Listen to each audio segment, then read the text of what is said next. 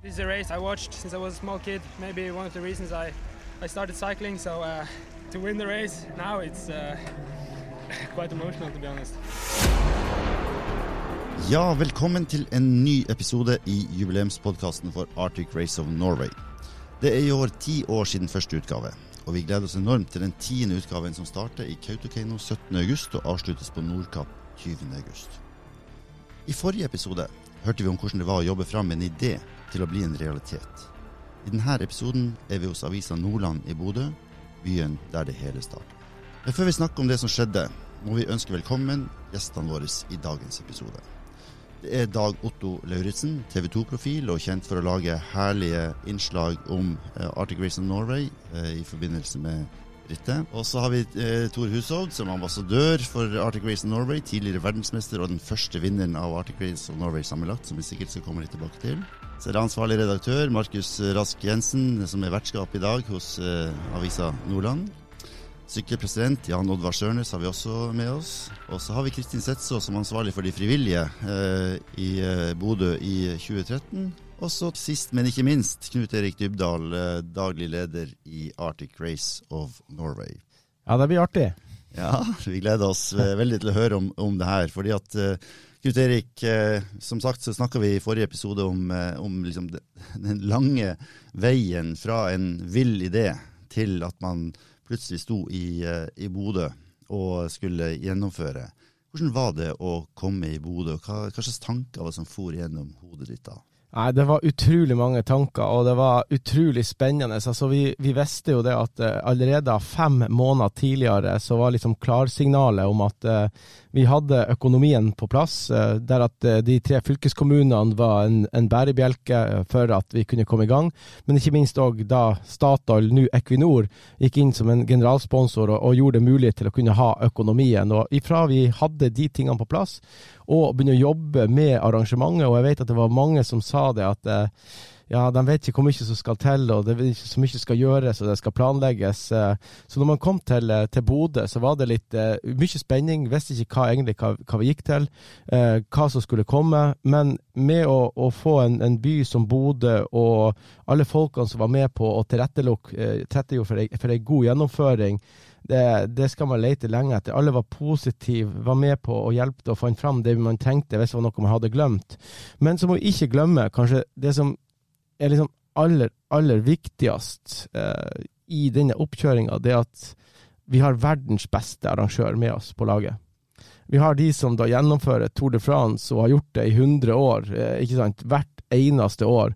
Og de kommer med et apparat som egentlig ingen andre kan, kan skjønne hvordan man kan rulle opp, og, og, har en struktur og en logistikk som vi har fått lov til å ta del i, har lært av og vært på plass. Og det var kjempeimponerende bare å se når alt sammen kom på plass, og hvor godt man jobba i lag alle sammen for å kunne ha en, en god gjennomføring. Og jeg, det, var, det, var, mange ting, eh, og vi til å komme tilbake. Det var en, det var en magisk eh, eh teampresentasjon i, i Bodø.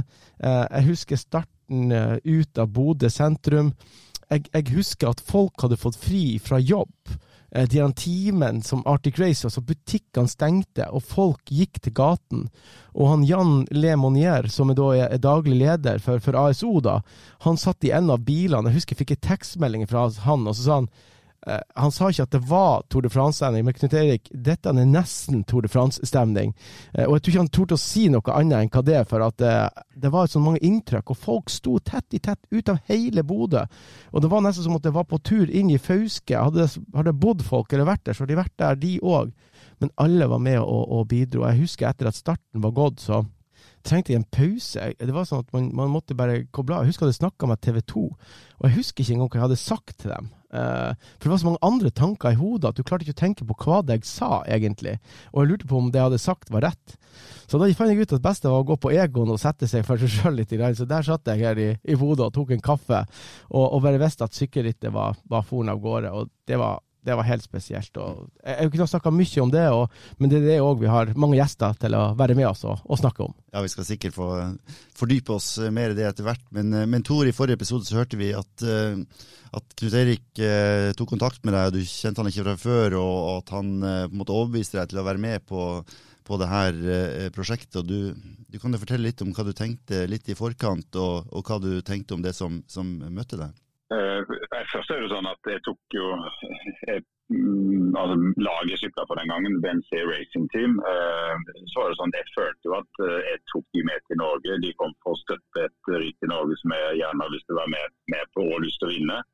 Det bygde laget opp rundt meg, så det er vel et visst sånn ansvar. Føles som at arrangementet skal levere, hotellet skal være greit, maten skal funke, været skal være bra. Så En føler litt på det, men, men når, når, rytterne kom, bare det og det på lagpresentasjonen, eh, det folkehavet som var der, så satt det litt sånn standard med en gang. Eh, og, og, og litt som Knut Erik Aas sier, eh, det med at ja, folk er ute av byen, kjempestemning, gikk vanvittig fort på, på den første etappen.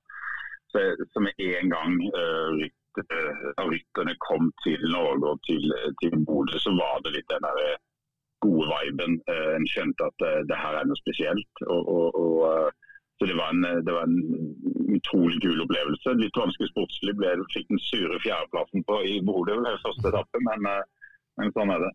Mm. Og Dag Otto, du eh, var med fra, fra TV 2 også helt fra, fra starten. Hva var det som møtte deg?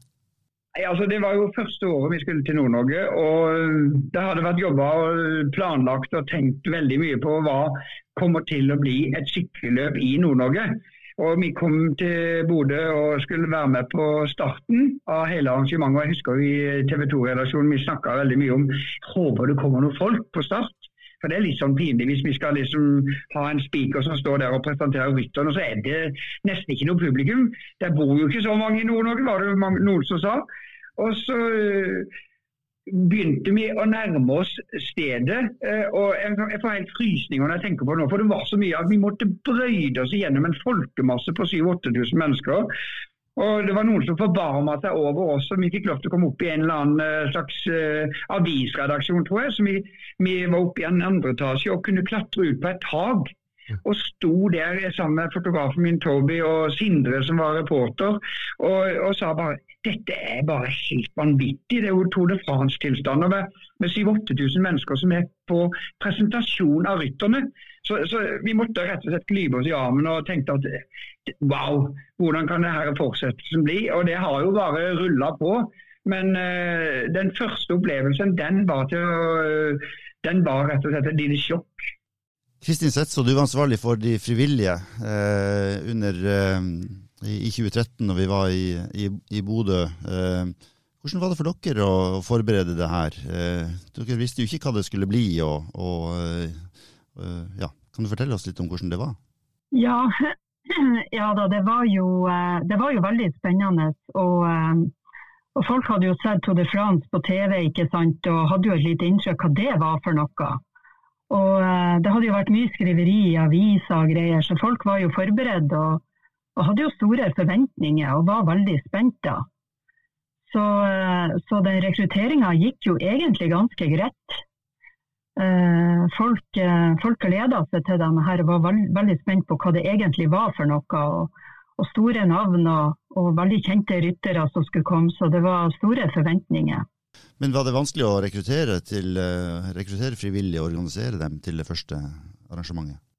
Nei, Det gikk jo egentlig, eh, egentlig, ganske greit. Det var jo et samarbeid med politiet da, for hvor de forskjellige løypevaktene skulle stå. sånn at Vi hadde jo en plan over det. da. Og Så engasjerte vi jo idrettslagene eh, i Bodø og de her, eh, i de kommunene der, der, løpet gikk. da. Sånn at de stilte med folk, og så fikk de en liten si, påskjønnelse for å, for å, delta. da, Sånn at det ble som et dugnadsarbeid for klubben. Uh, og det, det, tror jeg var veldig lurt, og det mm. fungerte veldig bra. Så uh, det gikk egentlig ganske greit, altså. Og det samarbeidet med politiet, det var, det var veldig bra. Ja, så Det drypper litt på de lokale idrettslagene også når sånne store arrangement kommer til, eh, til, til regionen. Men Markus, du var journalist på denne tida og sto midt i måte, det som å skulle prøve å dekke det på en, på en, på en bra måte. Var det noen spesielle ting som, som du la merke til? Ja, altså, Vi skjønte jo ikke hva som traff oss. Eh, vi ellers som jobba i lokalmediene, som, som Dag Otto var inne på, det er folkehavet på den rytterpresentasjonen. og Jeg husker spesielt Jeg sto rett ved mållinja da, og hadde vært sånn tålelig interessert i sykkel som, som liten. Fulgt litt med på Tour i, i Tour de France osv. Men når de dukka opp på Rådhusplassen, altså det, bare den der, der trøkkbølgen og hvor fort det gikk fra du så feltet til spurten var overstått, det var helt sånn sjokkeffekt altså å se live. og Det er litt sånn surrealistisk opplevelse. Eh, og Så må Jan Oddvar sikkert arrestere meg litt, men Bodø var jo ikke noe utprega sykkelby i 2012. Eh, og det, jeg mener jo det her var starten på, på en måte sykkelbølgen i Bodø, som jo kanskje til og med har bidratt til at du har ditt verv, og at man har hatt NM, og, og at, at, man har utvikla sykkelkultur i Bodø, eh, som jo slett ikke var noe det, det, er jo ikke naturlig at man driver og sykler oppe i Nord-Norge i utgangspunktet, så, mm. så det, det, har hatt ganske mye å si, sånn ringvirkningsmessig også. Uh, og så vil jeg også trekke frem det, det, kanskje det, øyeblikket jeg husker best, det var jeg, sto og så inn i her, jeg fikk lov å stå og se inn i den ASO-bussen, TV-produksjonsbussen, når eh, helikopteret skulle times inn og mot Saltstraumen, når rytterne kommer over Saltstrømbrua. Og det Du skjønner jo ikke hvor de får det til. Liksom, de står liksom og teller ned alt, og helikopteret flyr inn. Og når jeg så det der, liksom det bildet på den der lille skjermen til produsenten, så skjønte jeg at det her er jo, det er jo gullreklame. Ja, og, det, og jeg må eh, til, til Markus, når du er inne på det som du hadde med Bodø å, å, gjøre, og, og du nevnte òg eh, Jan Oddvar, som har vært eh, aktivt i, i sykkelklubben i, i Bodø, og, og nå er president i, i, i Norges Sykle, Sykleforbund. Så, uh, men, men Tor, uh, du hadde òg en liten opplevelse uh, her i, i Bodø. For at du hadde, hadde, med deg noen folk på, på, sykkeltur. Blant annet så hadde du den unge sønnen, jeg kaller han for Lille, Lille eller unge sønnen til Jan Oddvar, med deg og, og sykla rundt i Bodø. Når du da først hadde kommet til, til Nord-Norge. Så må det òg sies at Thor han var ambassadør for, for Arctic Race fra i 2011. Men han hadde aldri vært i Nord-Norge, for han satte sine føtter i Bodø når han kom til, til rittet. Så det var nå en liten sånn scary opplevelse for han òg. Ja, det er sant det. Nei, det var, en, en, det var uh, hyggelig å komme til, uh, til Nord-Norge og Bodø den gangen. Så jeg kom jo liksom litt før resten av laget. Da. Jeg, jeg, kom, uh, jeg kom fra Eh, Sørlandet og Norge, og så kommer de andre med kalle det charterflyet fra Brussel. Eh, og så hadde jeg da, skulle jeg sykle da en tur det var vel på tirsdag, et eh, et par dager før løpet starta. Og så eh, ble jeg med flere fra Bodø sykkelklubb og skulle, og skulle ut på en liten eh, fin sykkeltur. Og da husker jeg det var en eh, liten gutt der som var ekstremt ivrig, som hver lille bakke så skulle han støte, støte og prøvesykle fra oss og slå ned i spurten, og det var ikke måte på. Så, så det var en, eh, det er gode, gode minner, men det er artig å høre at det, Jan Oddvar, at du, du kjenner han. ja, Jan Oddvar, det var, en, eh, det, det, var en gutt som var fornøyd etter å ha vært på sykkeltur med, med Tor? Ja, jeg stilla i BMC-drakt og, og var, var, taktisk for å bli lagt merke til. og Jeg får følge opp det Markus sier, og, og for så vidt Kristin også. så jeg har vært engasjert i mange år i Bodø-idretten, men, men, men, eh, var akkurat blitt medlem av Bodø sykkelklubb. Og, og, var klar til å gjøre en, en dugnadsjobb for rittet. Og, og, jeg tror det var en dag før så, så mangla de en spiker. Eh, og så ble jeg spurt om, om jeg kunne, kunne steppe inn i, i lag med Asker, da, som, som, har vært spiker i alle år. og og, og, tok Ole Brumm tilnærminga til det og, og, trodde at det gikk helt sikkert bra. Og, og ble jo startstrøkk der vi satt og, hørte Johan Kaggestad sin stemme. Vi så eh, Tor sykkel. Vi så Dag Otto eh, var reporter. Eh, så det er helt korrekt at det her var starten til et, et samarbeid som, som har betydd utrolig mye for sykling i Nord-Norge. Eh, vi hadde NM eh, fire år senere. Eh, vi har bygd opp rittkompetanse i, landsdelen i Bodø sykkelklubb. og Jeg tror ikke det er en overdrivelse å si at det var også starten på, på min egen interesse og, og, et ønske om å engasjere meg mer i sykkel. Så eh, hatt enorm betydning for, for Nord-Norge, og, og, for meg personlig også, som jeg er veldig takknemlig for. Og ikke minst for sjøen, som, som, som sykla i mange år etterpå, og, og, og nå tar en utdanning og ønsker å, jobbe videre med det. Så, så det er bare et, et personlig eksempel på den betydninga det har hatt. Og, og det finnes mange sånne historier. Vi hørte fra Knut Erik at vi har verdens beste arrangør av, av sykkelritt eh, med oss, og det borger for, eh, for, at det i hvert fall arrangementsmessig blir bra. Og, men også at det nå blir tatt imot av publikum, og det er jo kanskje enda eh, viktigere. Og Dagotto, du kjører jo foran rittet og opplever sikkert litt av folkelivet rundt omkring. og er det noen episoder du kan trekke frem fra den, fra den første etappen på, ut fra, ut fra Bodø?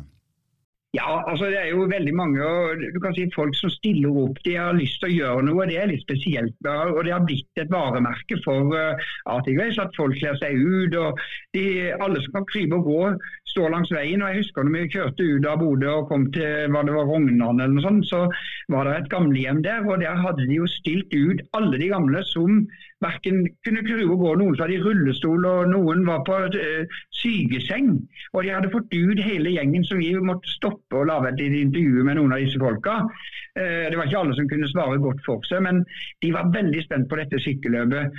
Og det var ikke mer enn at eh, sykkelrytterne passerte jo i 50 km i timen. Og eh, du kan si, De her måtte forte seg inn igjen for å komme på TV-stua, sånn at de kunne følge med både å se sine steder som de bodde på, som var på, plutselig på TV, og så selvfølgelig følge med på sykkelløpet. Så det var nesten sånn, det var en helt fantastisk opplevelse. Ja, det, det godt, og Jeg husker utrolig godt uh, den episoden, for du fortalte den til meg når, uh, når du kom inn. og Det var en av de sånn, den måten også du det, Nå begynner det å bli ti år siden at dette skjedde, men uh, når du fortalte den, så kjente jeg egentlig hvor godt det var òg på vettet at du har ikke bare engasjert liksom, unge og de som er sykkelinteressert, men man har engasjert alle til å kunne være med på, uansett hvor du bor. Og for dem start og mål var i Bodø, så tar rittet besøket der både Fauske og Rogna og, og misvær og, og, alle de her små plassene, og, og, alle kan få en bit av det. Eh, og ikke, se, ikke minst se sin hjemplass på, på, TV. og Det følte jeg at eh, kanskje det vi hadde tenkt, men kanskje ikke tenkt hardt nok på at det, kom til å bli akkurat sånn, og at alle liksom tok del i, i arrangementet. og Det var liksom en av de, de gode tingene som jeg husker etter uh, første etappen, før at vi da òg uh, eh, setter kursen mot, uh, mot Lofoten. Og, og, jeg tenker på at jeg har bare lyst til å følge deg opp igjen da, med, i forhold til aktiviteter som skjedde langs løypa. og, og Tor han skal selv få lov til å fortelle når han så dama som satt i båten med den torsken, men jeg skal fortelle om det var to bunadskledde eh, jenter. altså Etter vi hadde kommet til Stamsund og var på tur tilbake mot Lofoten på den, første, på den andre etappen, så var det da to bunadkledde altså jenter som sto i nordlandsbunad opp oppå sånne storsteiner veldig nært med, med veien. Og ikke sant at alle syns jo det altså Herregud, altså se på de to som står liksom, der oppe, og folk i sånn De glemte nesten av sporten, de her sportsdirektørene, begynte å ta bilder og oppover der. Men når syklistene da kom nærmere, så tok de to, to damene, eller, eller vi, vi, sier noe dame, det kan være jente eller hva som helst for noe, men så tok de stakken, så røfta det opp alt sammen, så de så hva som var under. Og de holdt jo på å sykle av veien, disse syklistene og de her følgebilene som skulle ta bilder, de, de, glemte jo nesten av at de skulle liksom ha fokus på alt mulig. Så det, var, det skjedde utrolig mye eh, langs veien. Og så vet jeg òg, Tor, du, du, har jo òg eh, dumma det litt ut i forhold til hun dama som du så, som satt i den her eh, prammen eller den her båten. Nei, Jeg har liksom fått spørsmål eh, ja, altså minner fra Arctic Race. Og Det er jo tilbake til, men Dette er en måte et minne som har liksom satt, satt litt fast. og det er mange ting som eh, skjer underveis. Galskap og kler seg ut i løper langs veien, de tuller og tøyser. og Det er eh, reinsdyr og alt som er liksom nesten eh, malt opp. Men, men, på en måte noe som satt inntrykk på meg, da var at vi da var ute i Lofoten. Og så kjører vi da langs har vi hav på høyre til en sånn fjordtarm inn. Og Der ser jeg det sitter en gammel dame med en sånn sylvest Eh, i en liten sånn rov og sånn liten tram en stor torsk. Bare holder den i, i hendene. Eh, det var ett hus der, det var liksom opp, på, liksom opp eh, på venstre side. Så så jeg for meg at denne gamle dama liksom, syntes det var gøy. Så hun liksom gikk ned, dro denne båten ut, fant denne torsken og så ikke fiska den annen, kanskje nå i frysen. Men liksom bare hele den der greia da, så jeg har liksom alltid nevnt den historien. Og Så var det en gang jeg var på noe, en sånn tilstelning i Bodø. og så det kommer det en dame bort til meg da, så sier hun, du, altså, en dame bort på min alder, så sier du den der historien med den gamle dama som, som satt i den båten, det var, det var hun.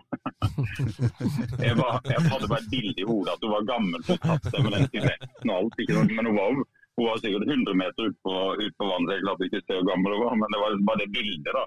Det er sånn minner som sitter igjen. Mm. Kristin, du som har ansvar for alle disse frivillige, har du noen uh, historier på lager som du har uh, tenkt var, var litt, uh, litt, artig fra, fra, den tida? Ja, nei, det var jo um, Altså, vi hadde jo, vi hadde jo løypevakter langs hele løypa. og Det som var kanskje mest spesielt, det var jo det at i Mesvær der så er det ganske mye sauer langs veien. Og de liker jo å ligge på veien, da, så vi måtte jo ha vakter som skulle passe på de her sauene, at de ikke kom, kom ut i veien og syklistene de kom, og der toget kommer. Og uh, Der er også en tunnel som de sauene de liker å ligge i skyggen og kose. da, sånn at uh, Det måtte vi for det første passe på at de ikke for inn i tunnelen. Og så måtte vi for det andre ha noen som kunne koste bort saueskiten som var der. Så vi hadde egne sauskitkostere inni denne tunnelen. Så det var, jo, det var jo litt spesielt, da. er det en ny tittel? Sauskitkoster? ja. Og det, og, og det, må vel òg nevnes, eh, og det kan godt gjøre, Roger, eh, du sjøl ville komme inn på det, men, men i Bodø så var vi jo første året, og sant, eh, Arctic Race skulle jo liksom bevege seg i, i hele Nord-Norge og, og, og, skulle jo ta del i alle plasser. Men vi var jo tilbake igjen òg i Bodø i, i 2016. 2016 så hadde vi jo kanskje det sterkeste eh, sykkelfeltet vi noen gang har hatt i Arctic Race eh, på startstrek, med Philip Gilbert annet, vi, eh, John Degenkoll som nettopp hadde kommet tilbake igjen etter å ha vært ute for en liten sykkel, sykkeluhell, sykkelulykke, og, og, til startstrek. Og, jeg vet ikke om du husker òg ekstra godt da, for da var det jo både dansing med, med, med brannbiler og alt mulig i, i, i, den tida, eller i 2016.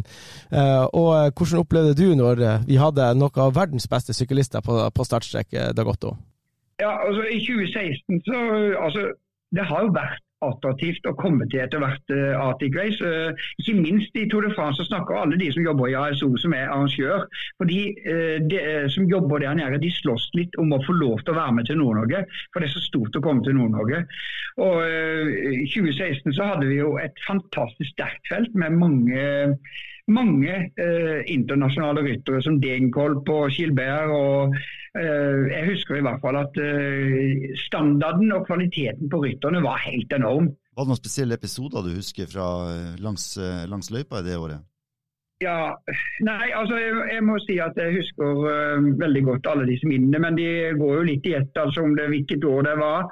Jeg kan veldig godt huske at uh, vi ble kapra langs veien av en brannbil, og folk sto der og sa det at her må du stoppe for eh, de skal ha en liten prat med deg, de her brannfolka. Og så var det inn i en sånn en, uh, lift og Så kjørte de meg opp på et tak, og så måtte jeg kle av meg med bar overkropp. og så Der sto alle de brannfolka. Og så skulle de danse et eller annet uh, greie med meg. og Den har jeg jo fått høre mange ganger. For det var mange brannfolk som litt overseriøse som syntes at det her var en skam at brannfolka skulle stå der og danse på, på et sykkelløp. Men jeg syns jo det var helt fantastisk engasjement. Ja, det er herlig. Du byr på deg sjøl, og, og det er vi veldig glad for. Men du nevnte Knut Erik, at det var et sterkt sykkelfelt, og det var en som, eh, som, nevnte det også da han hadde kommet i mål i, i eh, Bodø. Han sa vel at det, eh, dette var som å vinne en, en, etappe i en klassiker. Det stemmer. Og Tor, hva det kan bety for et sykkelritt som Arctic Race? Nei, Det betyr jo selvfølgelig mye.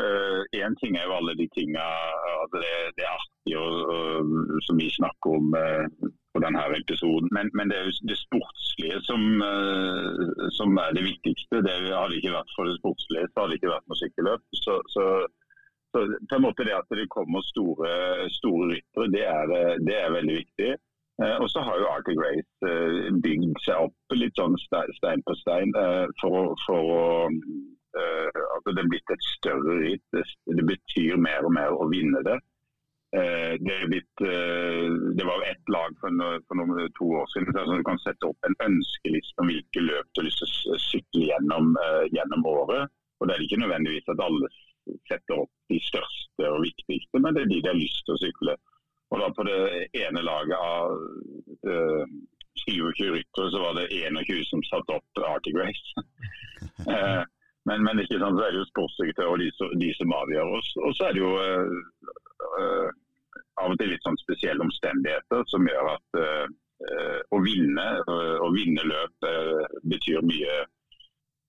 Følelsesmessig så var det John Degenkolb som hadde hatt en, en stygg velt, var blitt påkjørt. Flere av rytterne var alvorlig skada, altså ikke kjørt ned en bil. og Så er det lang vei å komme tilbake, og så vant han en etappe i, i Arctic og den betydde det var vel i Bodø, ja. Så Mm. den betydde jo enormt mye for han. Og, og kom ut med store ord, men de sier jo bare at, eh, at ADGS har fått en større og større status blant uh, syklistene og blant uh, laget.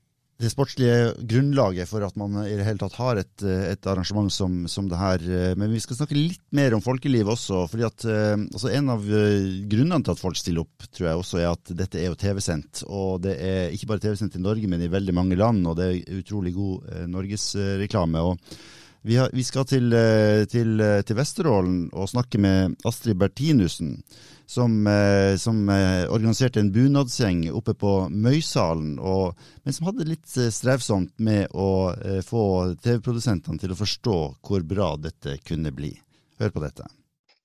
Ja, det var første året hvor Arctic Race ble arrangert. og Vi hadde jo jobba få, men veldig hektiske uker med mål om å skape liv langs sykkelrutene og opplevelser for TV-seerne. Så vi var veldig mange som hadde arbeid for å få spesielle spots for filming, eh, med lange lister til produsenter for opplevelser. Og et av de som vi virkelig var spesielt fornøyd med, var Møysalen, det høyeste fjellet i Vesterålen.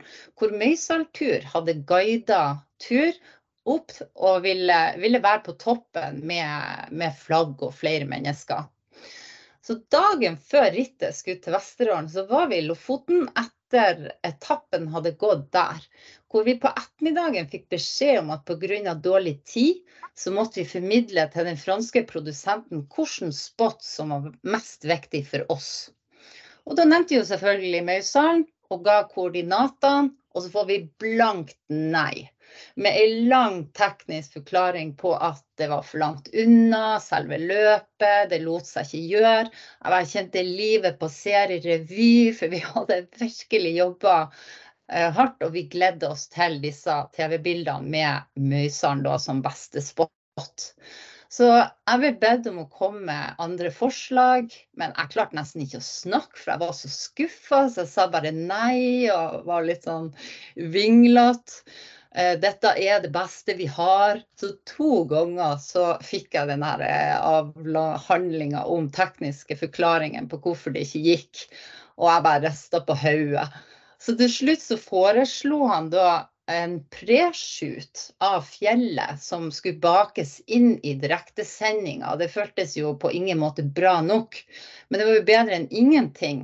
Og den her mannen var veldig bestemt og veldig tydelig lei av meg som ikke ville høre etter. Og jeg for bare gikk etter han der, og han var et gnagsår. Så dagen etterpå så sto vi i Stokmarknes, og så så vi livesendinga da Møysalen kom på skjermen med 360 grader sakte filming rundt Møysalen med folk i finklær og flagg. Og vi var mange som sto og skrek og hes av de bildene. Jeg Tårene rant. Så jeg var så glad, skjønte jo ikke hva som hadde skjedd. Men siste dagen på avslutningsfesten før, for eh, reise, så kom så produsenten snakka om det her slitsomme kvinnemennesket som hadde mast seg til denne prishooten. Og når de kom i helikopter og fikk se fjellet og muligheter med filminga, så bestemte de seg der og da for at det her skal livefilmes mens det er folk der. Og idet han snakka om det her gnagsåret, da, så kom jeg inn i rommet.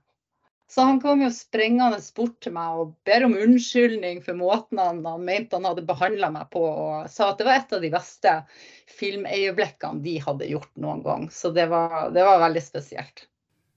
Ja, Knut Erik, da har vi hørt Astrid Bertinussen fortelle om, eh, om sin opplevelse. Du hadde en liten finger med i spillet, du også? Ja, nei, Astrid hun, eh, hun gjorde en fantastisk jobb for, eh, for Vesterålen. Og, og det var sånn at Alle jobba veldig godt i lag. og Når du kom over til den sida, så Lofoten og Vesterålen de, de gjorde en utrolig god jobb uh, sammen. Men Astrid hun hadde jo liksom fått tak i folk, pakka inn bunad i sekkene og, og fått de opp på fjellet, og, og liksom ville liksom få dette på, på TV. Og, gjennom det som nå hun, hun Astrid har, har fortalt, så så var det sånn at de som satt i TV-produksjonen, de, de spurte de, de ringa og spurte eh, er det nødvendig at vi, gjør, eh, at vi da gjør dette. Så sier jeg ja, det er nødvendig at vi gjør dette. Og det var som, også som at de ønsker jo òg å ha fokus på, på sporten og det som skjer, og skulle ta et helikopter som skulle liksom av gårde fra rittet og, og, skulle liksom gjøre denne jobben. Så det var prioriteringer hele tida. For det var så masse. Og, og det var som han Jean Maurice, som da er, er produsenten Han har produsert eh, Tour de France tror i 40 år, han er blitt pensjonist nå. Men når han satt i Lofoten, altså før starten på den andre etappen, så sa han liksom Dette er kulissene jeg kunne ha drømt og hatt Tour de France i.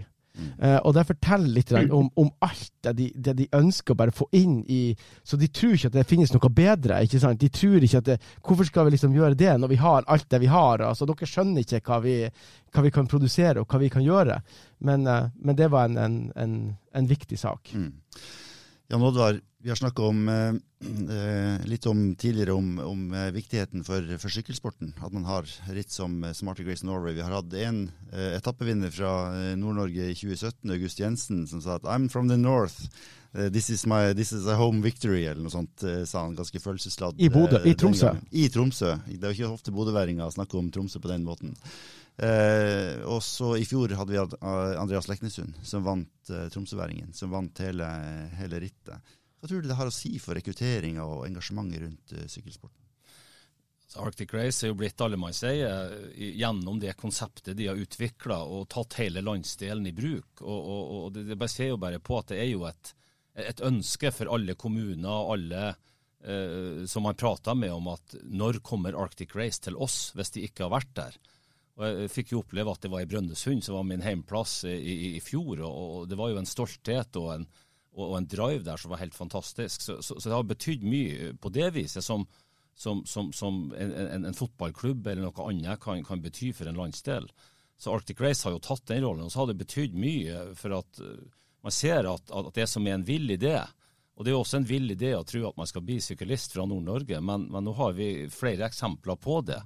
Uh, og, og, og, Andreas Leknes Sund, som, som, som, som, er hardt nordlending òg, i tillegg til å være fra Tromsø. Så, så, så man, har, man, har, realisert drømmer med å sett at det går an, og ikke minst på arrangementssida, den kompetansen som er bygd opp. Det at, at, at myndigheter er på en måte mørna, i, i, beste mening i ordet. at uh, Når man kommer da, som lokal klubb og vil gjøre noe, så, så er allerede Vegvesen, Eh, politi og kommuner de, de, har vært igjennom en prosess. Selvfølgelig skal vi få det til.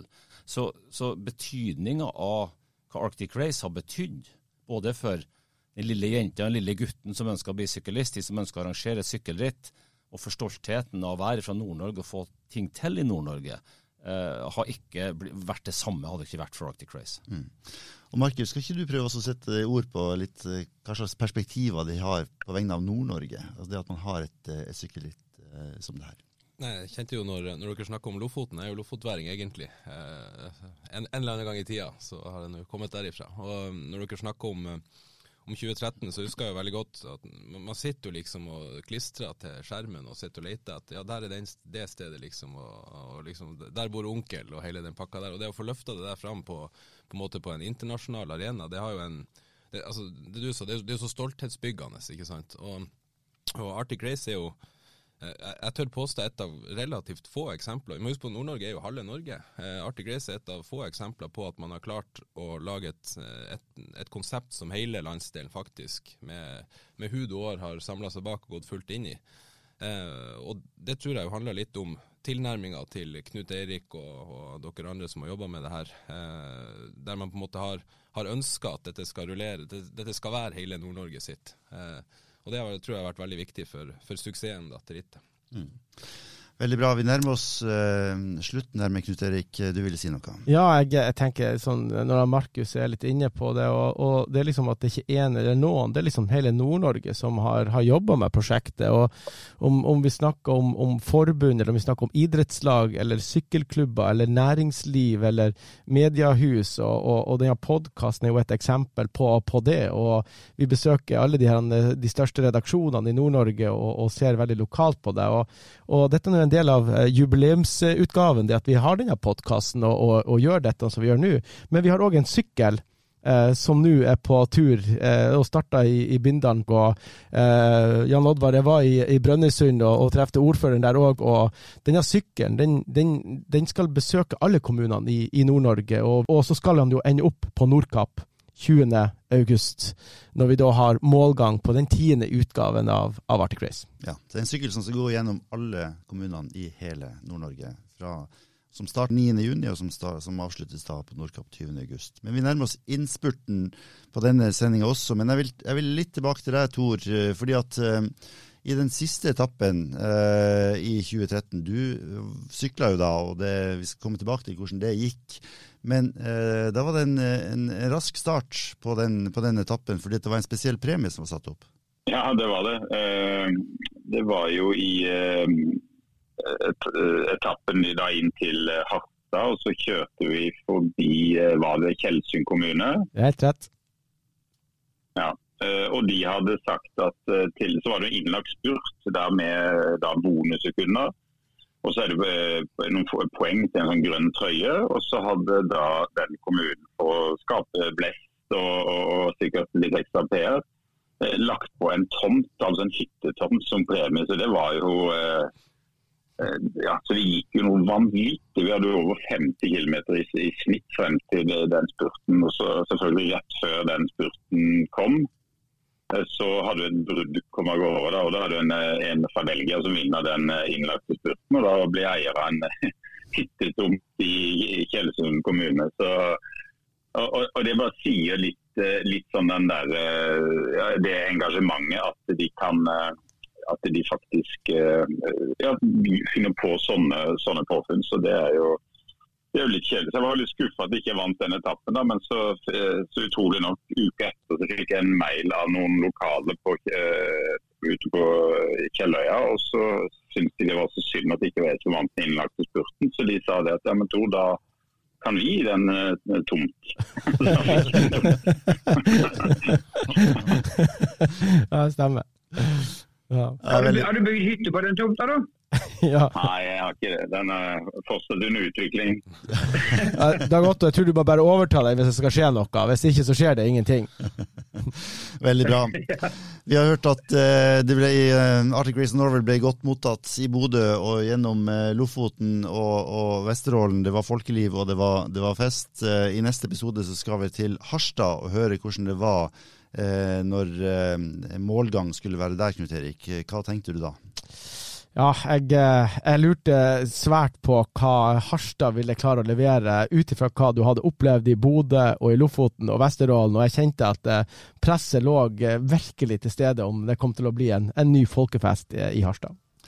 Og Det skal vi høre mer om i neste episode, for da er vi nemlig hos Harstad Tidende og skal høre om, om hvordan Arctic Race of Norway har påvirka Harstad-regionen.